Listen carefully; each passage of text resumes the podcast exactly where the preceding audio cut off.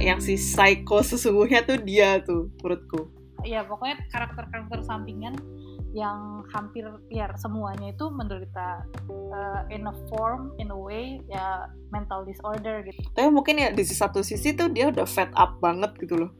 Dan pasti kita setiap manusia punya pikiran paling dark. Ya Stockholm syndrome gitu dia padahal di prison tapi dia jadi jatuh cinta sama prisoner ya padahal itu nggak sehat gitu ya. Kayak sampai denial gitu kan mukanya sampai kayak oh enggak sampai Anya Anya gitu-gitu berkali-kali. Itu menurutku dia emang yang karakter growth-nya paling mantep sih paling keren banget.